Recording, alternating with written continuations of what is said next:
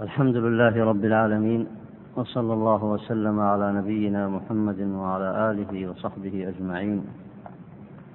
سبحانك اللهم لا علم لنا إلا ما علمتنا إنك أنت العليم الحكيم.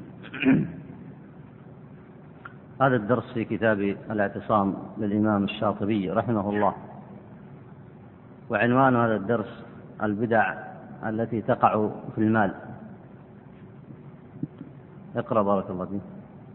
الله الرحمن الرحيم والحمد لله رب العالمين وصلى الله وسلم وبارك على نبينا محمد وعلى اله وصحبه اجمعين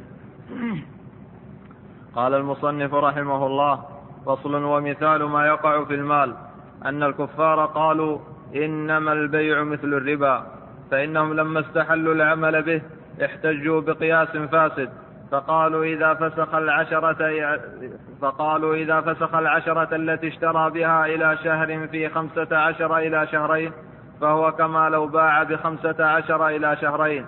فأكذبهم الله تعالى ورد عليهم فقال ذلك بأنهم قالوا إنما البيع مثل الربا وأحل الله البيع وحرم الربا. أي ليس البيع مثل الربا. فهذه محدثة أخذوا بها مستندين إلى رأي فاسد فكان من جملة المحدثات كسائر ما أحدثوا في البيوع الجارية بينهم المبنية على الخطر والغرر. بارك الله فيك. سيتكلم المصنف هنا عن البيوع التي أجراها الجاهليون مخالفين فيها شريعة الله سبحانه وتعالى. وسيذكر أمثلة تطبيقية على جريان البدع في هذه المعاملات. ذلك أن الجاهلية أعطوا أنفسهم أن أهل الجاهلية منحوا أنفسهم حق تشريع الأحكام. وقد وجدوا في من سبقهم من أمم الأنبياء عليهم الصلاة والسلام أنهم نقلوا ما جاء من أوامر الله سبحانه وتعالى. واستقرت هذه الأوامر والنواهي في الفطرة الصحيحة. ومن ذلك تحريم الربا. فإنه من الأركان المهمة لحفظ الضروريات الخمس.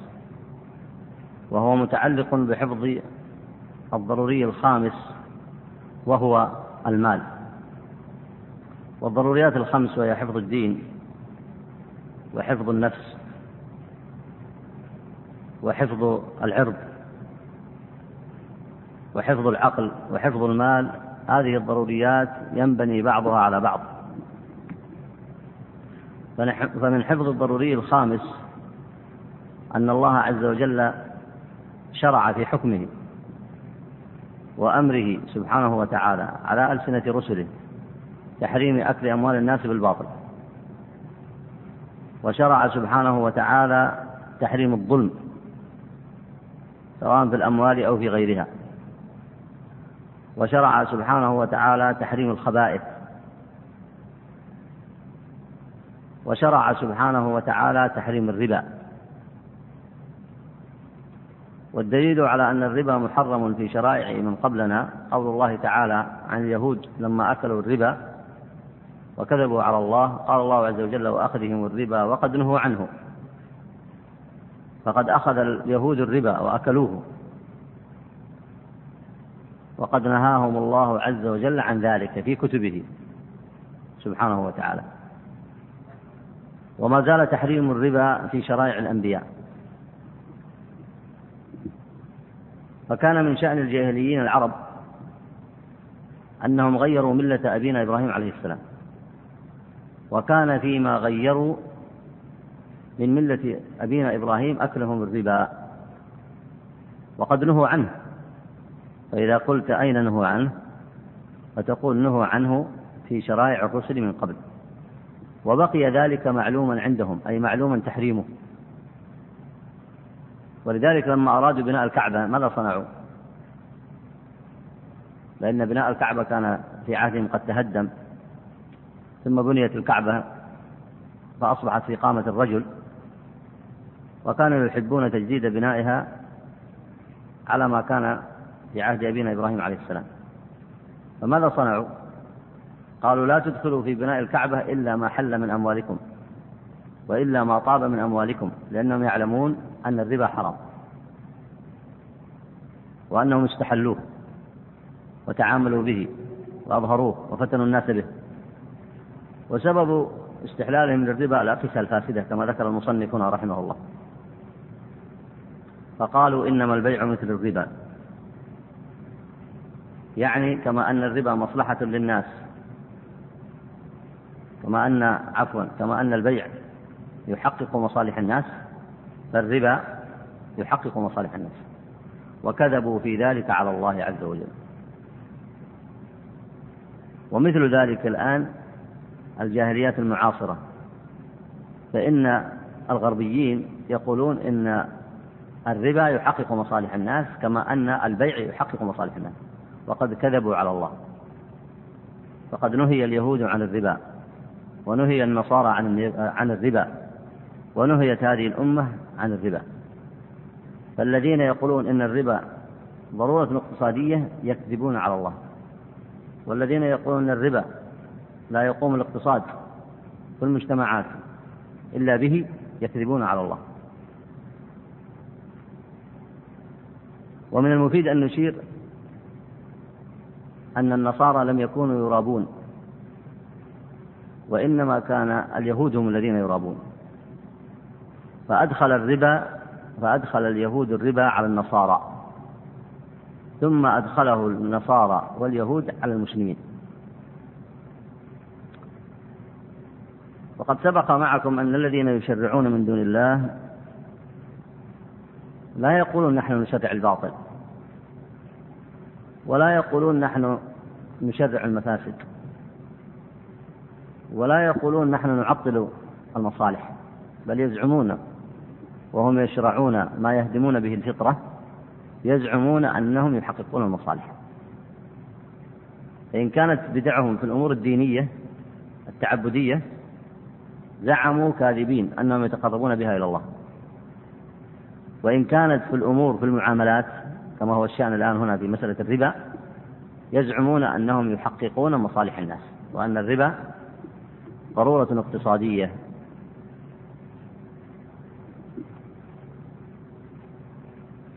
فإذا سألتهم عن ذريتهم هذه قالوا كما قال الله عز وجل عنهم إنما البيع مثل الربا. فإذا كان الله حل البيع فليكن الربا حلالا. وكذبوا على الله. فلم يجعل الله سبحانه وتعالى البيع مثل الربا بل جعل البيع عقدا له شروطه وأركانه وله مقاصده يحقق المنافع ويدخل في حكم البيع سائر العقود الشرعية. وجعل الربا حراما وآكله ظالما ونتيجته السحت في أكل الحرام وعاقبته محق المال. ولذلك الآن هناك اتجاهات في الغرب يقولون أن تدهور الاقتصاد سببه أن الربا غلب عليه. كما قال الله عز وجل في وصفهم يعرفونه كما يعرفون أبناءهم. لكن عادة الذين يأكلون الربا على أنواع. فأكثرهم أكلا له وقياما عليه هم أصحاب الأموال الكبيرة الذين يسمونهم الرأسماليون وهؤلاء الأخطبوط يأكلون أموال الشعوب وهؤلاء هم الذين يصرون على إقامة الربا ونشره لأنه لا تنمو أموالهم ولا تكثر أموالهم إلا عن طريق الربا. يبيعون المال بالمال وهم على كرفيهم. يبيعون المال بالمال. الملايين تأتي بالملايين. والمليارات تأتي بمثلها. وهم يمتصون دماء الأموال البشرية. والحجة في ذلك كما زعموا قالوا إن المماثلة بينهما في أمرين. الأمر الأول أنه يحقق المصالح. هذه أكثر الشبه التي يديرها المرابون في العالم الآن أن الربا يحقق المصالح بزعمهم أما من الشبهة القديمة التي ذكرها المصنف هنا عن العرب لما كانوا يتعاملون بالربا قالوا الربا وهي الزيادة بعد حلول الدين فإنك إذا أعطيت إنسان ألف ريال أو ألف دينار اشتريت منه سلعة بألف دينار وجعلت الحلول بينك وبينه بعد سنة. فإنه إذا أتت السنة ولم يوفك حقه ولم يوفك حقك فإنك تقول له بعد السنة كما كان يقول العرب الجاهليون تقول له إما أن تقضي وإما أن تربي إما أن تزيد. فإذا كان المبلغ الأول ألف توفيه بعد سنة بألف ولم تستطع فليس عندهم فناظرة إلى ميسرة. وإنما الذي عندهم إما أن تقضي وإما أن يكون الألف بألف ومئة أو بألف وخمسمائة.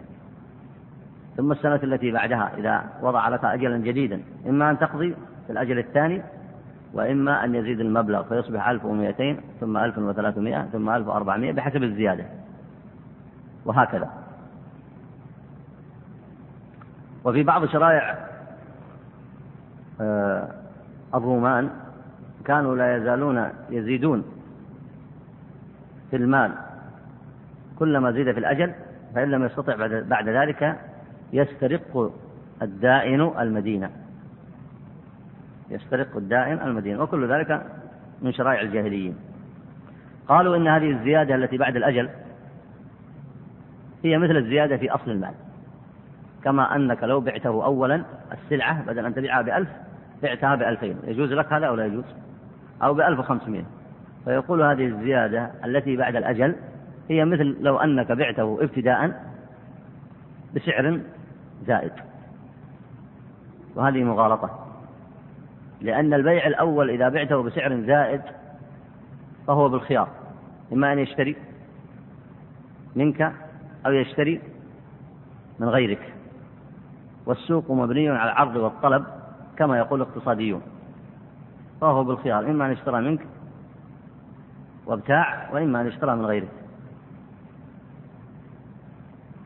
وأما في الصورة الثانية التي هي الربا فإنك تمسك بتلابيبه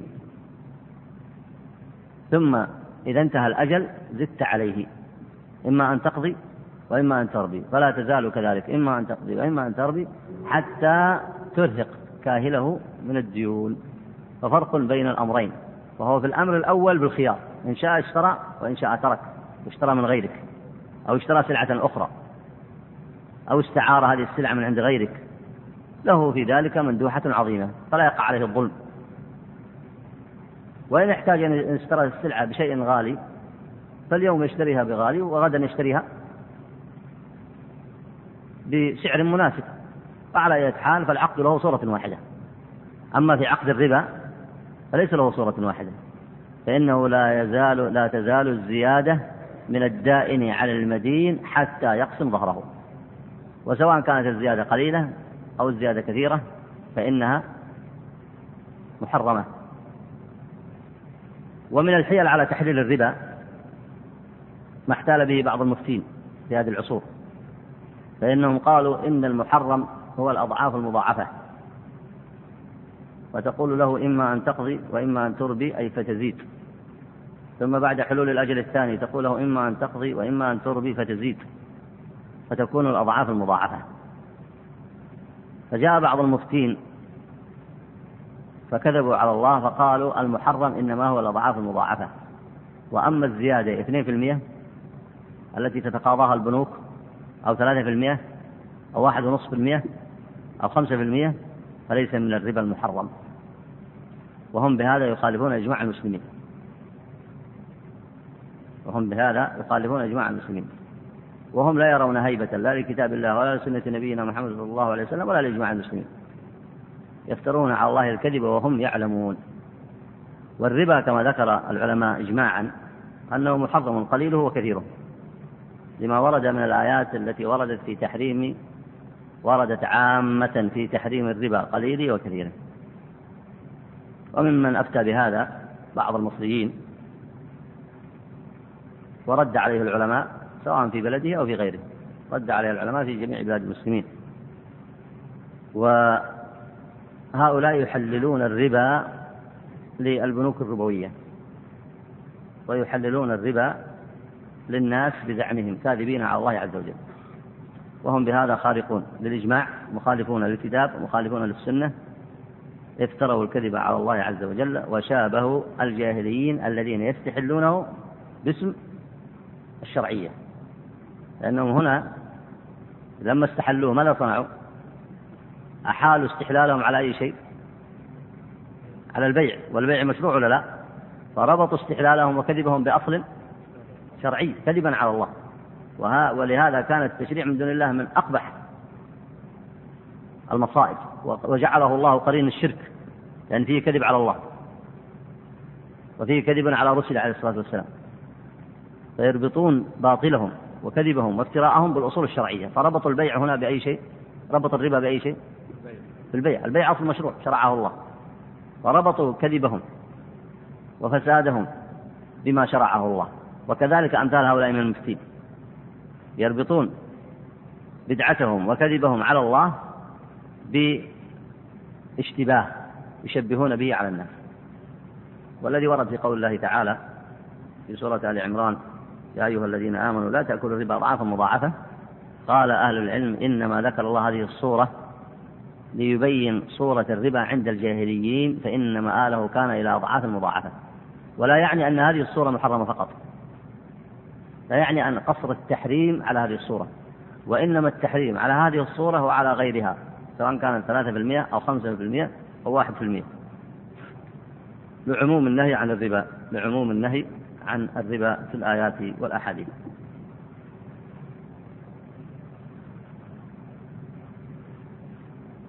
من أسباب التحريم أيضا فيما يتعلق بالظلم في الأموال من أسباب التحريم الربا.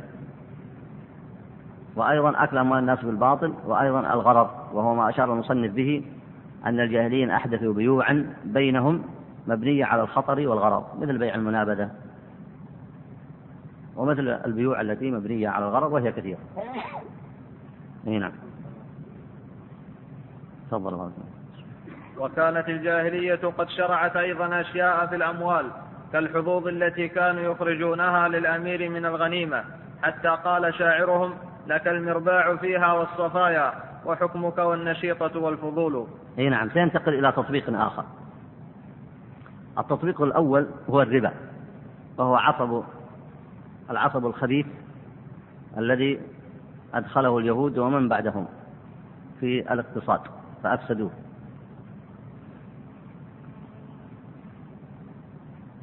المثال الثاني التطبيقي يتعلق بالغنائم. وما يصطفيه الأمراء لأنفسهم. والأمثلة التي سيذكرها هنا لأن ما يأخذها الأمراء إما أن يأخذونه غصبا واحتيالا وإما أن يأخذونه عرفا وأحقية. فسيتحدث عما كانوا يأخذونه عرفا مبنيا على أعراف الجاهليين وتشريعاتهم. وذكر أن الجاهلية شرعت في هذا أشياء كثيرة. وهذا البيت الذي ذكره هو من كلام من شعراء الجاهليين يجعلون للأمير في الجيش المقدم يجعل له المرباع وهو ربع الغنيمة كما سيأتي في كلام المصنف. ويجعلون له الصفايا ما يصطفي هو لنفسه. هذا كله اختصاص له من دون الناس ويجعلون له ما يحكم به هو. والنشيطة ما تأخذه السرية أو ما يحصل عليه الجيش في الطريق قبل أن يصل إلى مكانه. قد يكون مكان المعركة بعد يوم أو يومين. فما يحصله في الطريق هو للأمير النشيطة. والفضول هو الذي يبقى بعد القسمة يأخذه. فإذا يأخذ كم شيء هنا؟ يأخذ خمسة. المرباع والصفايا وما يحكم به والنشيطة والفضول. بأي حق يأخذها؟ هكذا شرعوا لأنفسهم. اقرأ كلام المصنف رحمه الله. فالمرباع ربع المغنم يأخذه الرئيس والصفايا جمع صفي وهو ما يصطفيه الرئيس لنفسه من المغنم والنشيطة ما يغنمه الغزاة في الطريق قبل بلوغهم إلى الموضع الذي قصدوه فكان يختص به الرئيس دون غيره. والفضول ما يفضل من الغنيمة عند القسمة. وكانت تتخذ الأراضين تحميها عن الناس ألا يدخلوها ولا يرعوها فلما أي نعم بارك الله فيك. هذا هو حكمه. يحكم الأمير أو المقدم فيعزل لنفسه قطاعا كبيرا من الأرض لا يدخله أحد ولا يستفيد منه أحد ويبقى هو ويبقى ذلك لنفسه. بأي حق أخذه لا تسأل فأخذه بعرف الجاهلية وبقوته وبسلطته. فهذا الأخير هنا ما يختص به ما يتخذ من الأراضين يحميها يحمي له مكان. والحمى معناه أنه يحجره عن, أن يستفيد منه غيره. يحمي له مكانا طويلا عريضا يأخذه لنفسه. فهذه الخامسة وحكمك. فلما جاءت هذه الشريعة رتبت المغانم. الغنيمة فقسمتها إلى خمسة أقسام أربع أخماس للغانمين وخمس لله ولرسوله ولذي القربى واليتامى والمساكين وابن السبيل. ولم تجعل للأمير فيها نصيبا مستقلا مطلقا وإنما جعلت شيئا لله ولله هنا فإن الله لا حاجة له به وإنما المقصود لله ورسوله. فيكون خمس الخمس. أربعة أخماس لمن الآن؟ وش باقي بعد أربعة أخماس؟ خمس. خمس الخمس للرسول عليه الصلاة والسلام. ومعنى هذا ينفقه في مصالح المسلمين. فليس له شيء خاص. ليس له شيء خاص لنفسه. يأخذه النبي صلى الله عليه وسلم ويرده للناس ويرده في مصالح المسلمين. فأبطل الله عز وجل لك المرباع منها والصفايا وحكمك والنشيطة والفضول. خمسة أقسام. يأخذها المقدم فيهم باسم الجاهلية باسم حكم الجاهلية. اقرأ بارك الله فيك. وكانت تتخذ الأراضين تحميها عن الناس ألا يدخلوها ولا يرعوها.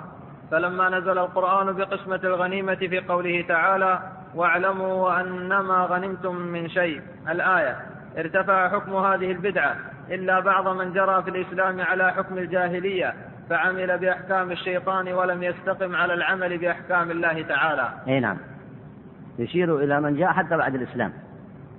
فإنهم ما زال يحلو لهم المرباع والصفايا وحكمك والنشيطة والفضول يأخذون ما لا يستحقون مخالفين ذلك مخالفين في ذلك حكم الله عز وجل جارين كما قال المصنف على حكم الجاهلية. عياذا بالله. الغنيمة في هذه الآية هي المال المأخوذ من الكفار بإيجاف خيل أو ركاب. واعلموا أن ما غنمتم من شيء فإن لله خمسه وللرسول ولذي القربى واليتامى والمساكين وابن السبيل. الغنيمة هي المال المأخوذ من الكفار. والفيء الغنيمة هي المال المأخوذ من الكفار بإيجاف خيل أي بقتال. والفيء المال المأخوذ منهم بغير ذلك كالصلح والجزية والخراج. هذا يسمى فيئا. وأربع أخماس الغنيمة لمن شهد الوقيعة من شهد القتال. والخمس لله ولرسوله ولذي القربى. والمقصود بذوي القربى هم بنو هاشم وبنو المطلب. هم بني هاشم وبنو المطلب. يعني بني المطلب غير بني عبد المطلب. بني المطلب غير بني عبد المطلب. بني المطلب هم أن الصنف الأول بنو هاشم. فذوي القربى بنو هاشم وبنو المطلب. هذا بالنسبة في تفسير الآية هنا. ولذلك فسر القرآن على كلام أهل العلم بما ورد من سنة النبي عليه الصلاة والسلام. أما إذا وجدت قول الله تعالى قل لا أسألكم عليه من أجر إلا المودة في القربى فمن هم أهل القربى هنا الآن؟ قريش كافة. فهم قرابة النبي الذي أمرهم الله وعشيرته الذي أمرهم الله عز وجل بأن يبدأهم بالدعوة إلى الله. لكن ذوي القربى هنا غير ذوي القربى في الآية الأخرى. قل لا أسألكم عليه من أجر إلا المودة في القربى. ذاك عام في قريش. وهذه ذوي القربى هنا خاصة في بني هاشم وبني المطلب.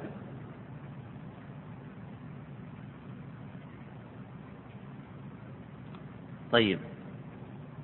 اقرأ بارك الله وكذلك جاء لا حمى إلا حمى الله ورسوله ثم جرى بعض الناس ممن آثر الدنيا على طاعة الله على سبيل حكم الجاهلية ومن أحسن من الله حكما لقوم يوقنون. إيه يحمون ما ليس لهم بحق جريا على حكم الجاهلية. أما الحمى في الإسلام لا حمى إلا حمى الله ورسوله. فالذي يحميه النبي عليه الصلاة والسلام يحميه لمصلحة المسلمين ليس لمصلحة فرد. يحميه لمصلحة المسلمين مصلحة أهل قرية أهل مدينة لطائفة معينة في مدينة معينة في قرية في مكان لمصلحة المسلمين ليس لمصلحة فردية. أما الحمى في الجاهلية فكان لمصالح خاصة. يأتي الرجل منهم فيحمي مواتا كثير العشب لنفسه. هذا صار مصلحة خاصة ولا مصلحة فردية؟ صار مصلحة فردية. أما في الإسلام فهو لمصلحة عامة لا لمصلحة خاصة. والمقصود المصلحة العامة مصلحة طائفة أو قبيلة أو أهل بلدة أو قرية لعموم المسلمين. لعموم المسلمين في قرية معينة أو بلدة معينة أو قبيلة معينة. لكن ليس الحمى في الإسلام لمصلحة فردية وهذا الفرق بين الحمى في الإسلام والحمى الجاهلية.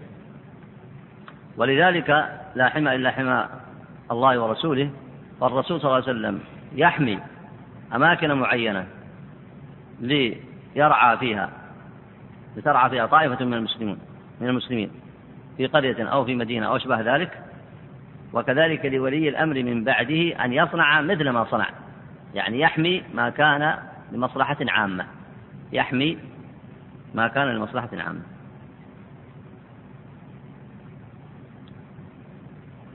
وتعريف الحمى هو المكان يمنع من الإحياء.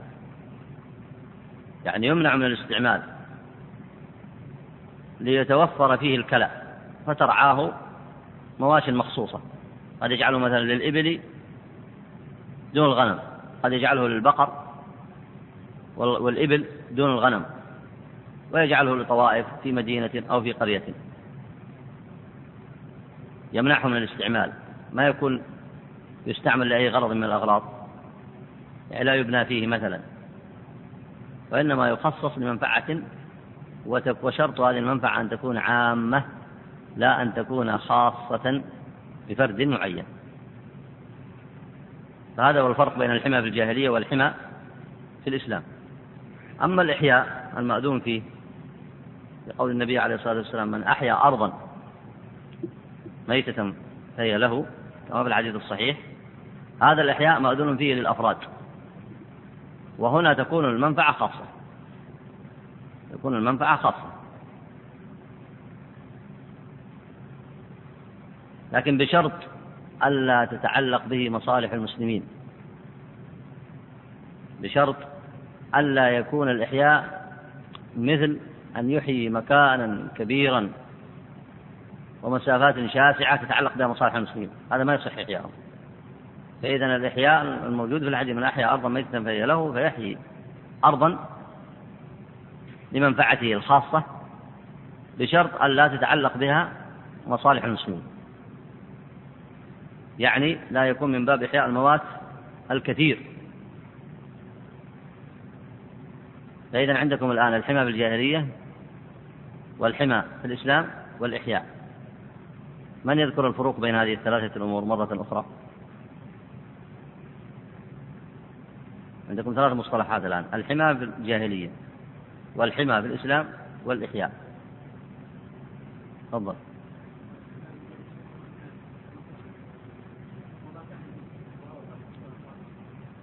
الحمى في الجاهلية ما كان خاصا بمصلحة خاصة أي نعم.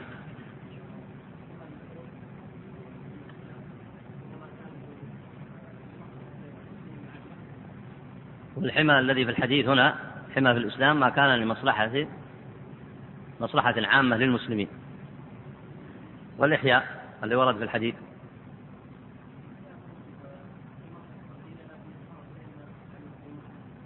أحسنت. الإحياء فيه مصلحة فردية لكن يشترط فيه ألا يلحق الضرر. بالمسلمين ويتعرض لمصالحهم العامة. بارك الله فيك. طيب.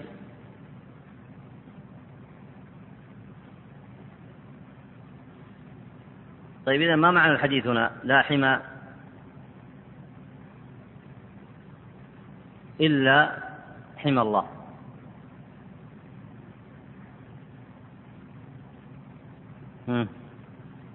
على التقسيم السابق. كيف يصبح معنى الحديث؟ يعني ليس هناك حمى مشروع؟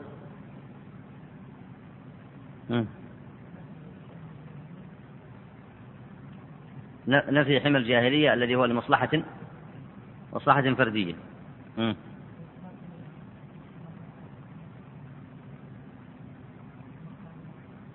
طيب هذا معنى في هذا وارد في الحديث. نعم. لكن هل يشمل إذا قلنا لا حمى إلا حمى الله ورسوله؟ أن يكون يعني من العلماء من فهم أنه لا يكون الحمى إلا ما حماه الرسول عليه الصلاة والسلام فقط. فلا يحمل الولاة بعده. المعنى الثاني أنه لا حمى إلا ما حماه الرسول صلى الله عليه وسلم وكذلك ولاة الأمر من بعده. بالشرط السابق وهو أن يكون لمنفعة عامة. وعلى هذا في الحديث هنا له معنيان. الأول ما حماه الرسول صلى الله عليه وسلم فقط وليس لأحد أن يحمل المسلمين إلا ما حماه الرسول.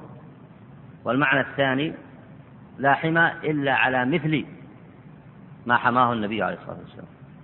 فعلى هذا يحمي ولاة الأمر من بعده ما كان على مثله أي في مصلحة عامة أي في مصلحة عامة للمسلمين.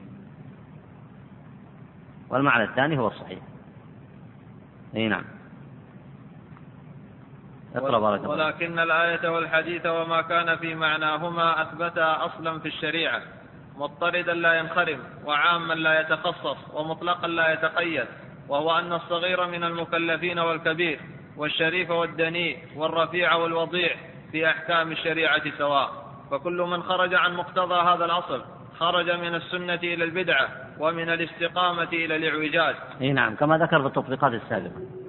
خرج الجاهليون من أحكام الشرع إلى تشريعاتهم الضالة إلى الابتداع.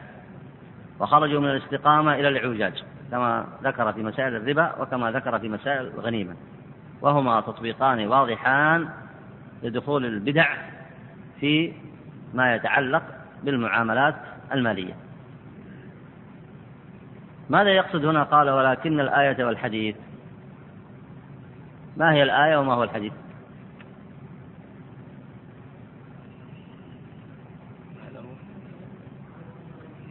هم؟ أيوة.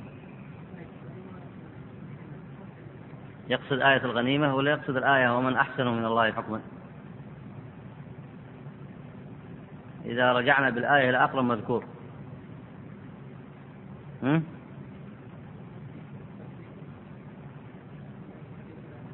ولا الآية التي قبلها الغنيمة؟ والحديث لا حمى إلا حمى الله. ورسوله صلى الله عليه وسلم فيكون المكلف فيكون المكلفون داخلين صغيرهم وكبيرهم وشريفهم ودنيهم ورفيعهم ووضيعهم في أحكام الشريعة سواء. في أحكام الشريعة سواء. ويمكن أن ترجع إلى الآية سواء في الغنيمة أو الآية ومن أحسن من الله حكما لقوم يوقنون. وكلهم تحت أحكام الشرع. لا يستثنون كما كانت الجاهلية تستثني جوابك صحيح كما كانت الجاهلية تستثني تستثني أشخاصا من الدخول تحت أحكام تحت أحكام الشريعة وتصطفيهم بأحكام خاصة. أعد النص ولكن الآية والحديث نعم. ولكن الآية والحديث وما كان في معناهما أثبتا أصلا في الشريعة. مضطردا لا ينخرم وعاما لا يتخصص ومطلقا لا يتقيد وهو أن الصغير من المكلفين والكبير والشريف والدنيء والرفيع والوضيع في أحكام الشريعة سواء. فكل من خرج عن مقتضى هذا الأصل خرج من السنة إلى البدعة ومن الاستقامة إلى الإعوجاج. نعم. لأن الأصل أن هؤلاء كلهم يجب عليهم أن يعبدوا الله وأنهم سواسية تحت أحكام الشرع وأنهم يجب عليهم الخضوع لأحكام الشريعة في الصغير في الأمر الصغير والكبير. وعلى هذا الأحكام عامة للناس ويجب عليهم الدخول تحتها. ومن ثم تتحقق مقاصد الشريعة وتصلح أوضاع المجتمعات. لأن الناس كلهم تحت حكم الله تحت حكم الله سواء. أي نعم. أكمل بارك الله فيك. وتحت هذا الرمز تفاصيل عظيمة الموقع. لعلها تفاصيل. إيه؟ تفاصيل. وتحت هذا الرمز تفاصيل عظيمة الموقع. لعلها تذكر فيما بعد إن شاء الله. وقد أشير إلى جملة منها. نكتفي بهذا المقدار. ونسأل الله جل لنا ولكم القبول والتوفيق. وأن يجزي المؤلف خير الجزاء وأن يعظم أجره ويرفع منزلته. اللهم تقبل منا إنك أنت السميع العليم. واعف عنا. اللهم صل على نبينا محمد وعلى آله وصحبه وسلم.